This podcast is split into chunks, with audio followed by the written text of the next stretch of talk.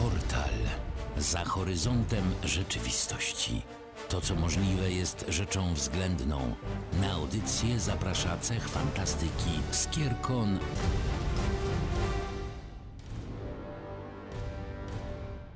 Na zewnątrz robi się coraz cieplej, dni stają się coraz dłuższe. To może oznaczać tylko jedno: nareszcie zaczyna pojawiać się wiosna. Zresztą ja widziałam już pierwsze oznaki, krokusy widzę za oknem. Tym optymistycznym akcentem witamy Was w dzisiejszym odcinku portalu. Ja jestem Katris. A ja jestem Chili i z wszystkich sił zaklinamy wiosnę. I będziemy ją zaklinać właśnie przez cały ten odcinek, bo będziemy dzisiaj rozmawiać o wiosennych obrzędach słowiańskich, i w ogóle o idei wiosny słowiańskiej, czym dla Słowian ta wiosna była. Aniu, jako specjalistka nasza tutaj w tej dziedzinie, może rozpocznij, więc czym była ta wiosna? Zrzucasz mi na plecy potężny ciężar tym sformułowaniem, że ja tu jestem taką ekspertką.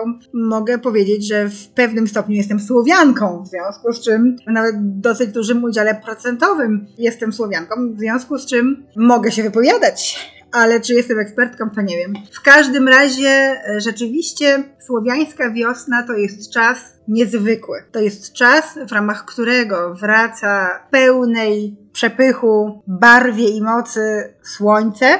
Widzimy już wyraźnie, że wiosna się nie cofnie, że zima musiała ustąpić. Czasami na pograniczu, gdzieś na przedwiośniu, widać te zmagania. I w wielu legendach, podaniach słowiańskich w folklorze widać to zmaganie pomiędzy zimą a wiosną. Tutaj możemy rozpoznać też zmaganie pomiędzy dwiema stronami ludzkiej natury, kobiecej natury, zimna, pani śmierci, marzanna, walczy ze swoim drugim obliczem, wiosenną dziewanną, delikatną, niosącą nowe życie, czułość. To zderzenie między nimi często jest bardzo burzliwe. Ludzie oczywiście dopingują wiośnie, trzymają za nią kciuki, rozglądają się za każdym możliwym dowodem na to, że to już jest ten moment. Do tego stopnia, że w naszej kulturze, a nawet w nauce, mamy podział wiosny na trzy fenologiczne pory roku. Najpierw mamy przedwiośnie, czyli te pierwsze oznaki, kwitnięcie leszczyn, kwitnięcie powiedzmy olszyn, potem geofity wiosenne, to już jest takie, prawda, już szukamy tych małych kwiateczków. Sama pierwsze co powiedziałaś to były te krokusy. Więc przedwiośnie, przedwiośnie, ale już jest ten element wiosny, mimo że to jest przedwiośnie, to już ta wiosna, już, już, już, prawda, już ją dostrzegamy. Potem mamy pierwwiośnie czyli wczesną wiosnę, kiedy kwitną jabłonie, czeremchy i w ogóle to jest ten moment, który my utożsamiamy już z wiosną. Kwitnąca czeremcha to jeden z moich ulubionych zapachów. To jest tak cudownie słodki zapach. Nie dziwię się, tak, tak, tak. No i te kwiaty to piękno. Ja obsesyjnie fotografuję wszystkie kwitnące krzewy, wszystkie kwitnące, prawda, drzewa, wszystko co kwitnie na tym pierwiośniu, to ja już fotografuję a potem, słuchajcie, przychodzi pełnia wiosny. Fenologiczna pełnia wiosny. I wtedy po prostu wybucha absolutnie barokowe piękno zieleni, kwitnięcia wszystkiego, co kwitnąć może, prawda? Czyli Słowianie, niezależnie od tego, czy byli małorolnymi chłopami, czy byli naukowcami, tej wiosny łaknęli zawsze. Wystarczył jeden drobny kwiatuszek, już mamy przedwiośnie, prawda, już, już się szykujemy na ten cały piękny festiwal. Czyli Słowianie tej wiosny wyglądali, nadal wyglądają i pewnie będą wyglądać wraz z tą wiosną wraca nadzieja, wraca szansa na dotrwanie do obfitości plonów, obfitości lata i jesieni. Już pojawiają się pierwsze rośliny, którymi można wzbogacić dietę, te wszystkie młode pokrzywy i tak dalej. To już jest bogactwo witamin to już przywraca nam nadzieję na zdrowie i tak dalej, i tak dalej. Czyli tutaj jak najbardziej wiosna jest pozytywną bohaterką wszystkich ludowych podań, przedstawiana w postaci młodej, młodej dziewczyny, która sobie chodzi po łąkach, prawda, i tylko rozsiewa te kwitnące kwiaty.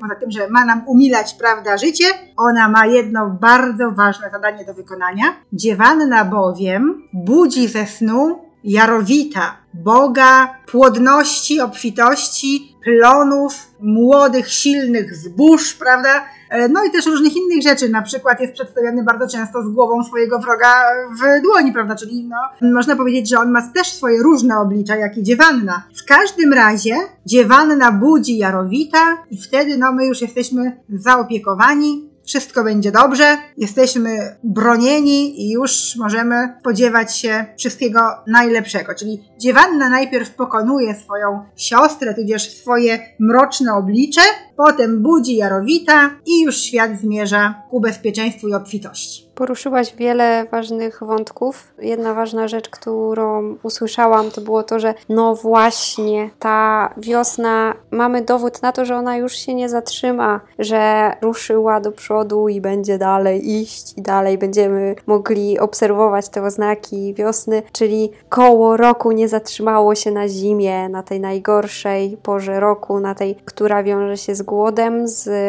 zimnem, z mrokiem, więc teraz obserwujemy właśnie stopniowe zwycięstwo słońca, stopniowe zwycięstwo ciepła, stopniowe zwycięstwo młodości. A musimy zaznaczyć, że dla Słowian i generalnie dla ludów indoeuropejskich to, że koło czasu zatrzyma się na zimie, było jednym z największych lęków, tego się najbardziej bali, więc jeżeli już mieli dowód, że to koło się poruszyło i już nie ma tego zagrożenia, przynajmniej do następnej zimy, oddychali z ulgą i brali się do roboty. Wcale im się nie dziwię. Ja też strasznie nie lubię zimy i nie lubię tego właśnie tej ciemności i tego chłodu, więc ja im się wcale nie dziwię. My teraz mamy w sklepach przynajmniej cały czas warzywa, owoce, mamy cały czas jedzenie. Oni musieli radzić sobie z tym, co udało im się nazbierać przed tą zimą, tak? W trakcie lata, w trakcie jesieni. No i wcale się nie dziwię, że wypatrywali tylko tych pierwszych oznak wiosny. Właśnie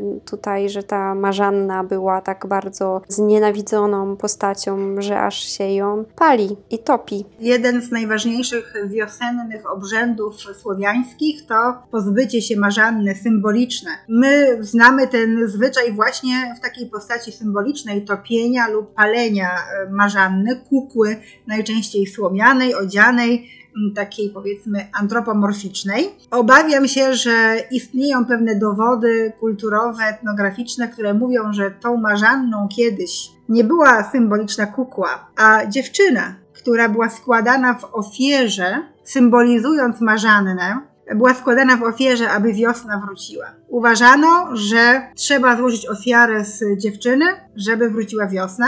Później e, w zwyczajach prawdziwą dziewczynę zastąpiła kukła właśnie, która była no, miała symbolizować dziewczynę składaną w ofierze. No teraz my właściwie kontynuujemy ten zwyczaj. Kładamy marzannę w ofierze, paląc ją lub topiąc i robimy to powszechnie. Jest to jeden z tych słowiańskich prastarych zwyczajów, które kontynuujemy, nawet nie do końca wiedząc, co tak naprawdę robimy, a my chronimy naszą społeczność przed zachowaniem zimy, że chcemy poruszyć kołowrót czas. Składamy marzannę w ofierze i cyk, wiadomo, kołowrót rusza. Kto wie, co by się stało, gdyby całe rzesze przedszkolaków i uczniów nadal, prawda, tej marzanny nie spławiały. Obyż to nie były marzanny odziane w jakiś plastik, żeby nie leżały zbyt długo w tych e, rzekach, prawda, i innych zbiornikach. W każdym razie, no, może to jest przyczyna, dla której kołowrót czasu ciągle się kręci. Być może. Pamiętam, że kiedy mm, nagrywałyśmy odcinek o boginiach słowiańskich, wspominałam o tym, że z Marzanną byłam bardzo dobrze zaznajomiona właśnie przez tą tradycję. Jednak kiedy byłam jeszcze w szkole podstawowej, no to rzeczywiście mm, typową tradycją wiosenną było to, że szliśmy nad rzekę z kukłami naszymi e, słomianymi i je paliliśmy i wrzucaliśmy do rzeki. Więc ta marzanna gdzieś tam się pojawiała, ta tradycja się pojawiała i ona jest praktykowana do dzisiaj. Ja z przedszkolakami w momencie, kiedy już pracowałam teraz w przedszkolu, to robiłam też marzanny, które później właśnie wspólnie paliliśmy. Więc rzeczywiście to jest taka tradycja, która przetrwała i przetrwała nie dlatego, że ją przejęło chrześcijaństwo, tylko gdzieś tam ona po prostu przetrwała. W tym momencie to jest zabawa dla nas, tak? O, bo sobie zrobimy kukiełkę i ją później wrzucimy do, do wody i ją sobie spalimy. Więc w tym momencie to jest rzeczywiście raczej zabawa dla, dla dzieci, ale tak jak mówisz, to, to było bardzo ważne, to miało ogromne znaczenie, to, to było symboliczne właśnie to pozbycie się zimy. Jeżeli wy, mm, nasi drodzy słuchacze, chcecie spalić taką kukłę, wrzucić ją do wody, nie wiem, coś z nią zrobić, żeby pomóc tej wiośnie jednak przyjść, żeby ona już na pewno przybyła, to po pierwsze pamiętajcie to, co Ania powiedziała, żeby to nie były plastikowe kukły, żeby nie leżały za długo, ale raczej używajcie naturalnych składników, siano, drewno, jakieś naturalne materiały. A po drugie, pamiętajcie o tym, że są pewne zasady obowiązujące przy topieniu marzanny. Pierwsze, w momencie, kiedy ona już wpadnie do rzeki, to nie możemy jej dotknąć. Po drugie, kiedy wracamy z topienia marzanny, nie możemy się odwrócić. Po trzecie, uważajcie pod nogi, żeby nie przewrócić się, kiedy wracamy z topienia marzanny to wszystko wiąże się z pewnego rodzaju pechem. Więc takie wskazówki, co robić, żeby e, się uchronić przed tym pechem, właśnie, który może się pojawić e, w momencie, kiedy wracamy z topienia marzanny. To są wskazówki, co zrobić, żeby marzanna została utopiona skutecznie. I żeby właśnie nie wpłynęła na nas w żaden negatywny sposób, no bo wiadomo, skoro jest panią zimy, no to też może na nas jakieś klątwy rzucić. No kto ją tam wie? Kto by tam chciał być utopiony, prawda? To... Czyli pierwsza ważna sprawa, pozbyć się zimy na amen. Co się dzieje? Kiedy to się dzieje? Kiedy Słowianie zaczynali świętowanie od topienia marzanny lub jej spalenia? To tutaj to spalenie czyli dominowało. Wiadomo kiedy. Kiedy obchodzono Jarę Gody czyli wiosenne święto o ogromnej wadze, e, o ogromnym znaczeniu, kiedy ono trwało, bo to nie był jeden dzień, to był tydzień, czasami nawet e, trwało ono dłużej. Wiosenne święto gdzieś związane z nadejściem astronomicznej wiosny, czyli ostatni kwartał powiedzmy marca, tak? 20, 21, 22 marca, kiedy mamy tutaj to wiosenną równonoc. Tak, dokładnie, czyli w sumie w momencie, w którym teraz też obchodzimy pierwszy dzień wiosny, no bo oczywiście ten pierwszy dzień wiosny mamy zapisany jako 20 marca, więc to się nie zmieniło w żaden sposób. Tak jak powiedziałaś, to nie był jeden dzień, to było duże świętowanie. Zresztą zauważ, że większość tych właśnie takich głównych świąt słowiańskich, to, to zawsze jest gdzieś tam świętowanie przez dłuższy czas, bo jednak y, to było bardzo ważne, żeby świętować te kolejne okresy w ciągu roku, żeby właśnie to koło czasu ciągle było poruszone i żeby nigdzie nie, nie przystawać, żeby rzeczywiście ta przyroda była w stanie ruszyć. Jednym z takich obrzędów, który też był charakterystyczny na właśnie ten okres Jarych Godów, który zresztą do dzisiaj jest praktykowany, a którego wiele dzieci nienawidzi, to jest robienie generalnych wiosennych porządków. I to też miało za zadanie pozbyć się tej złej zimowej energii, tej energii właśnie związanej z ciemnością, z mrokiem, z nocą, pozbycie się wszelkich jakichś negatywnych emocji, które towarzyszyły nam w trakcie zimy. I się zastanawiam, czy to nie było przed topieniem marzanny?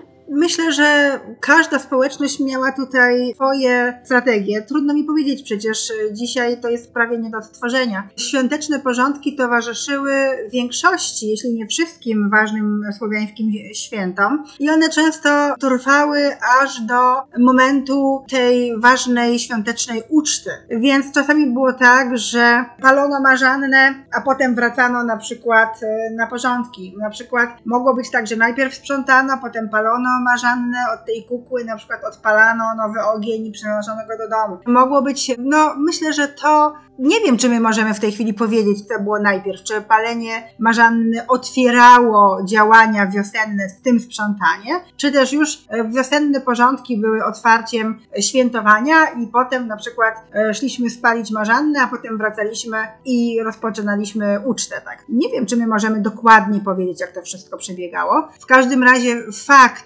że wiosenne porządki były niezmiernie ważnym elementem obrzędu. To jest prawda. I trzeba pamiętać, że te wiosenne porządki nie mogły się obyć bez wymiatania z kątów różnych e, śmieci, pozostałości po zimie brzozową miotłą, ponieważ brzozowa miotła wymiatała to, co dla nas niepożądane w domu, nie tylko w strefie widocznej dla nas, nie tylko na jawie, czyli w jawi, ale także to, co było obciążeniem dla naszego domu od strony nawi, czyli od świata demonicznego. Czyli e, brzozowa miotła pomagała nam nie tylko posprzątać, ale tak jak wspominałaś, zmienić energetyczny stan naszego domu, tutaj zrobić miejsce dla pozytywnej, wiosennej energii, którą powinniśmy mieć w domu, kiedy zaczyna nam się po, poważny okres, bo to już jest mnóstwo pracy w obejściu i tak dalej, tak dalej, dużo się dzieje, czyli ta energia musi być pozytywna. Czyli musimy pamiętać o brzozowej miotle albo chociażby o brzozowych gałązkach, którymi symbolicznie wymiatamy z różnych kątów różne rzeczy. Tylko też trzeba pamiętać, że nie możemy tak zupełnie wszystkiego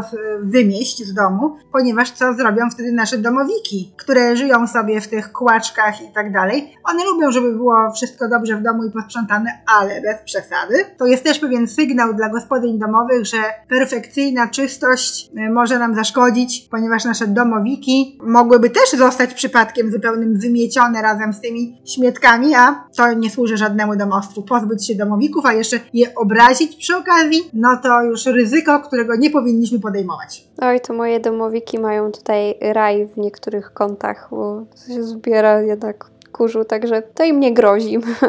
E, ja się wręcz obawiam, e, że moje domowiki trochę cierpią z powodu mojej nadmiernej radości w pozostawianiu im środowiska naturalnego bez żadnej zmiany. Myślę, że one to by jednak, gdyby mogły do mnie przemówić wprost, albo po prostu coś mi pokazać wprost, to przyniosłyby mi jednak brzozową miotłę, prawda? E, w drodze takiej sugestii dyskretnej, że mogłabym z niej zrobić użytek. Może nawet. Może właśnie to jest ten czas teraz wiosenny, żeby, żeby zrobić. To jest ten czas, w którym należy własne słowa potraktować poważnie. Wiesz, Aniu, ta wiosna, zobacz, jakby zrobiło się tylko trochę cieplej i ja już mam więcej energii, więc ta wiosna naprawdę nam daje takiego kopa do tego, żeby zabrać się za sprawy, które były przez zimę odkładane. Właśnie chociażby te porządki, gdzieś tam takie bardziej generalne, tak? No wiadomo, każdy dba o dom w mniej lub bardziej w ciągu tego roku, ale właśnie te generalne porządki to jest taka czynność, która wymaga jednak dużej energii, którą wiosna nam daje.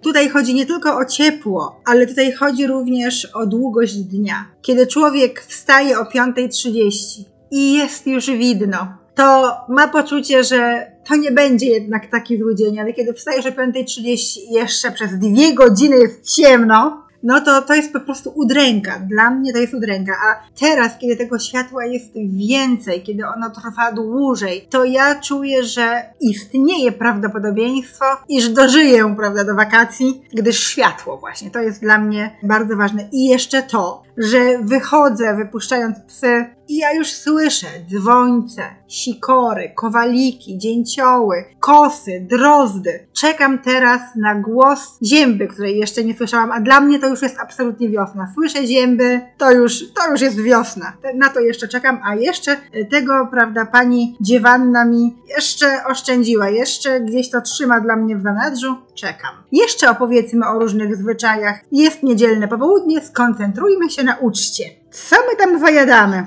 No to ja zacznę. Jajka.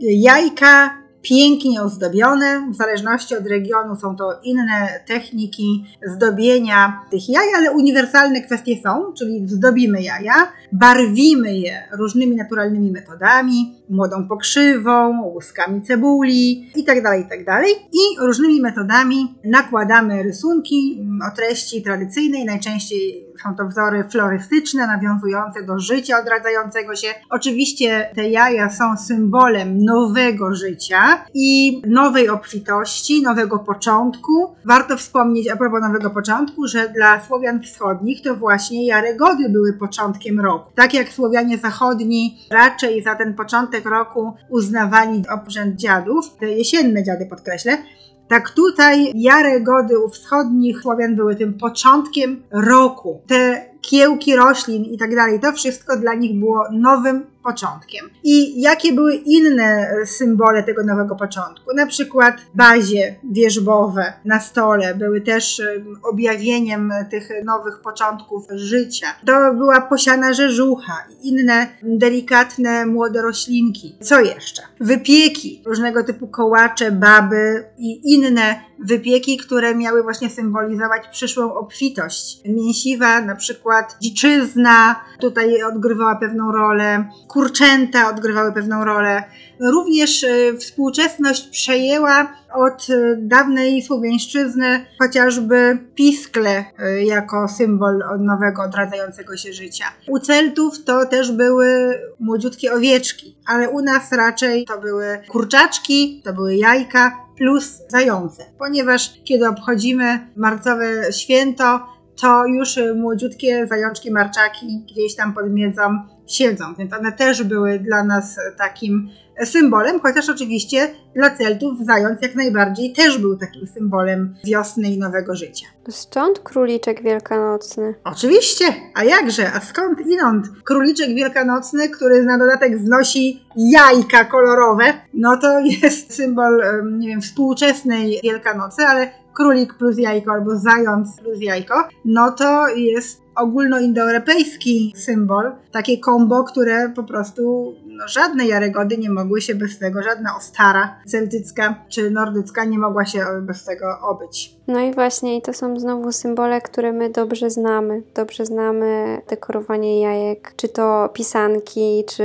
kraszanki, czy wszelkiego innego rodzaju ozdobione jajka. Znamy właśnie zajączka, czy króliczka, znamy dobrze baranka wielkanocnego, tak? To wszystko znowu są symbole, które przetrwały do dzisiaj, częściowo przez chrześcijaństwo, częściowo przez pewnego rodzaju inne tradycje, jednak takie bardziej ludowe, ale rzeczywiście to przetrwało i my to możemy obserwować i ciągle ta sama symbolika króluje, ciągle to jajko oznacza życie, pisklaczek oznacza nowe życie, królik właśnie oznacza nowe życie, więc ciągle jest ta sama symbolika. No i to jest e, piękne, my tak celebrujemy właśnie to, co się dzieje teraz wiosną, że wszystko się rodzi i pojawiają się młode listki i pojawiają się nowe roślinki, wychodzą na wierzch właśnie te krokusy chociażby, które obserwuję tu u nas w Skierniewicach, bo Skierniewice są całe ozdobione krokusami w ogóle i tak na wiosnę jest kolorowo. To bardzo miłe jest. Tak, więc jest tak kolorowo na wiosnę. Więc rzeczywiście, no my cały czas to gdzieś tam celebrujemy. Ale właśnie też wspomniałaś o tym, że oprócz tej uczty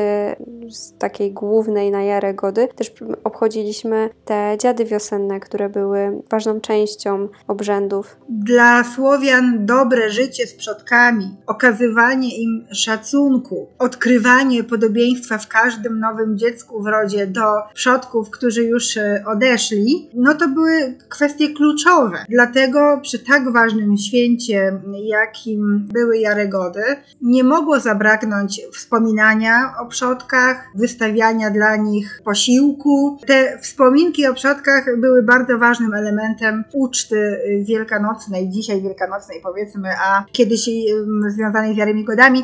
I zresztą do dziś dnia tak jest, że przy wielkanocnym stole my rozmawiamy o tych, których już przy tym stole nie ma. Jest to element tradycji, różne anegdotki, wspominki, których chciwie słuchają młodsze pokolenia. To jest element ciągłości, takiej dbania o to, że, że, że tak naprawdę dopóki my pamiętamy, dopóki my wspominamy, to oni wciąż żyją tak naprawdę, choćby tylko w naszej pamięci, za co Słowianie uważali, że są nam ci przodkowie bardzo wdzięczni. Inna bardzo ważna, bardzo ważna rzecz, jeśli chodzi o Jarę Gody i wiosenne święta, to było przyznanie takiej błogosławionej roli wodzie. Woda odgrywała ogromną rolę w życiu Słowian, była czczona. Stosunek Słowian do wody to może jest temat na jakiś inny portal. W każdym razie na czas Jary Godów woda była takim elementem błogosławieństwa. Przede wszystkim oblewano wodą lub skrapiano przynajmniej wodą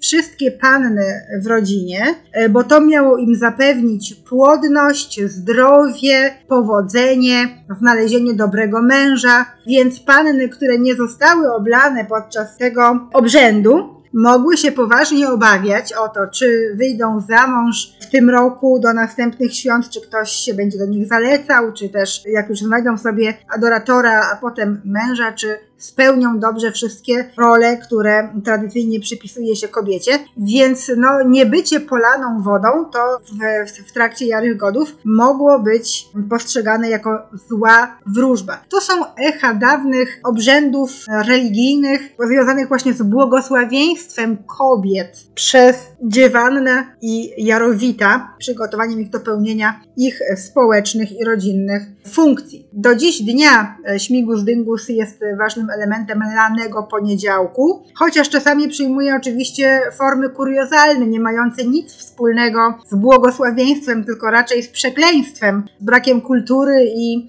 to jest coś może wręcz niepokojącego, że można wypaczyć tak ważny kulturowy obrzęd. No, takie są fakty. Natomiast no, wciąż czasem dla żartu, czasem dla zachowania tradycji, delikatne skropienie jest przez wiele panien mile widziane. Tak, myślę, że jest to nawet dosyć urocze, jeżeli nie jest przesadzone. Zatem, drogie słuchaczki, jeżeli zależy Wam na tym, żeby w najbliższym czasie spotkać miłość Waszego życia, kogoś, z kim będziecie mogły wziąć ślub, to pozwalajcie się skropić w śmigusa dyngusa. Z umiarem, ale warto tę uroczą tradycję podtrzymać. Jeszcze jakie y, przychodzą nam do głowy obrzędy? No właśnie jeszcze pewna tradycja, o której się dowiedziałam od Wiktorii Korzeniewskiej ze Slavik Booka, to jest smażenie naleśników albo placków jako formę przywołania wiosny. To jest tradycja ze wschodu, ponieważ naleśniki przypominają słoneczko, więc my zaklinamy słoneczko, żeby ono przyszło. To jest tak piękne, tak cudowne. Ja odkąd się o tym tylko dowiedziałam, to teraz jak tylko widzę pierwsze sygnały wiosny, to rzeczywiście te naleśniki smażę po to, żeby to słoneczko zaklinać to urocze, to czarujące, więc bym powiedziała. E, rzeczywiście fajna sprawa. No cóż, takie obrzędy leżą w granicach naszych możliwości. Co, co jeszcze ciekawego robiono w Jaregody? Był to na pewno czas zalotów i tutaj mowa nie tylko o polewaniu panien wodą, ale to był też czas takich zalotów, początków zalotów, które mogły przerodzić się w coś poważniejszego, bo jeszcze po drodze przecież czarodzielnica, jeszcze noc kupały, a potem, prawda, zaręczyny na szczodre gody, na przyszłe dożynki, ślub. Tak to z grubsza wyglądało, że jak panowie mieli na oku jakąś swoją wybrankę, to rozpoczynali czas zalotów właśnie w okolicy Jarych Godów. I jak oni to robili? Jednym z moich e, takich ulubionych wiosennych zwyczajów było wręczanie wybrance serca gałązki z delikatnymi młodymi listkami brzozy. Znowu brzoza się pojawia, ważne drzewo tych obrzędów jarogodowych. W każdym razie kolega przychodził do koleżanki, rozmawiali sobie o różnych sprawach niezobowiązujących, o kurach, przyszłych plonach, planach. I w pewnym momencie kolega tak od słowa do słowa, od niechcenia wręczał swojej wybrance gałązkę z listkami brzozy. Jeśli ona między słowami, między jakimiś tam żartami przyjęła od niego tę gałązkę, którą tam mógł ją stuknąć w ramię na przykład, czy gdzieś tam miźnąć ją po ręku, po dłoni, jeżeli ona przyjęła od niego tę gałązkę, to on wiedział, że ona mu daje prawo do zalotu. Czyli to nie było tak, że oni byli od razu zaręczeni, ale to był głos, że on nie jest jej niemiły i że może uderzyć w konkury, może się do niej zalecać, że ona nie ma nic przeciwko temu. I to był początek. Jeżeli ona no, nie miała takich planów względem kolegi, to po prostu rozmawiała z nim bardzo miło, ale nie przyjmowała od niego tej gałązki. To był świetny zwyczaj, ponieważ w sytuacji, kiedy ona nie chciała, żeby jej tutaj kolega, sąsiad był jej zalotnikiem, po prostu nie przyjmowała tej gałązki, nic nie było powiedziane, żadne serce nie było odtrącone, w sensie oficjalnie nie było żadnych powodów do tego, żeby, nie wiem, zerwać relacje albo gniewać się, więc e, tutaj kolega zachowywał honor, koleżanka może czekała na gałązkę brzozową z kogoś innego, więc e, tak to wyglądało. Bardzo dyplomatycznie rozwiązana sytuacja, pozwalająca zachować dobre relacje sąsiedzkie w niewielkich przecież społecznościach wiejskich. E, ten zwyczaj jeszcze był żywy w końcu XIX wieku. Myślę, że to jest bardzo strategiczna rzecz do przemyślenia. Gdzie się podziały te drobne sygnały, drobne oznaki? Teraz to wszystko jest takie dosłowne. No dosłowne i często pozbawione jakże przyjemnej dla serca finezji, tak bym to określiła. Co jeszcze możemy powiedzieć o tym wiosennym święcie, poza tym, że bardzo, bardzo go pragniemy, wyczekujemy, czekamy i już chcemy wystawiać twarz do słońca i no, żeby nas to słońce miziało tak po buzi. Te wszystkie słowa, które padły podczas dzisiejszego portalu, zbliżają nas do wiosny i pozwalają dodatkowo się nią cieszyć. Powinniście nas widzieć i nasze uśmiechnięte twarze. To jest temat, o którym naprawdę chce się gadać. Sama rozmowa sprawiła nam radość, naprawdę i dodała energii. Wzrost morale o przynajmniej 35%. Mam nadzieję, że Wam się tak samo dobrze słuchało, jak nam o wiośnie gadało. I to jest dobry moment, żeby zachęcić Was do słuchania wcześniejszych odcinków portalu, które są dostępne na YouTube i na Spotify'u. Zachęcamy, zachęcamy do słuchania kolejnych odcinków. W przyszłości, uwierzcie mi, również dużo ciekawych tematów będzie poruszonych, więc zostańcie w kontakcie. Dziękujemy za dzisiejsze popołudnie. Trzymajcie się, do usłyszenia. Żegnają Was Katris Cześć! i Chili. Pa!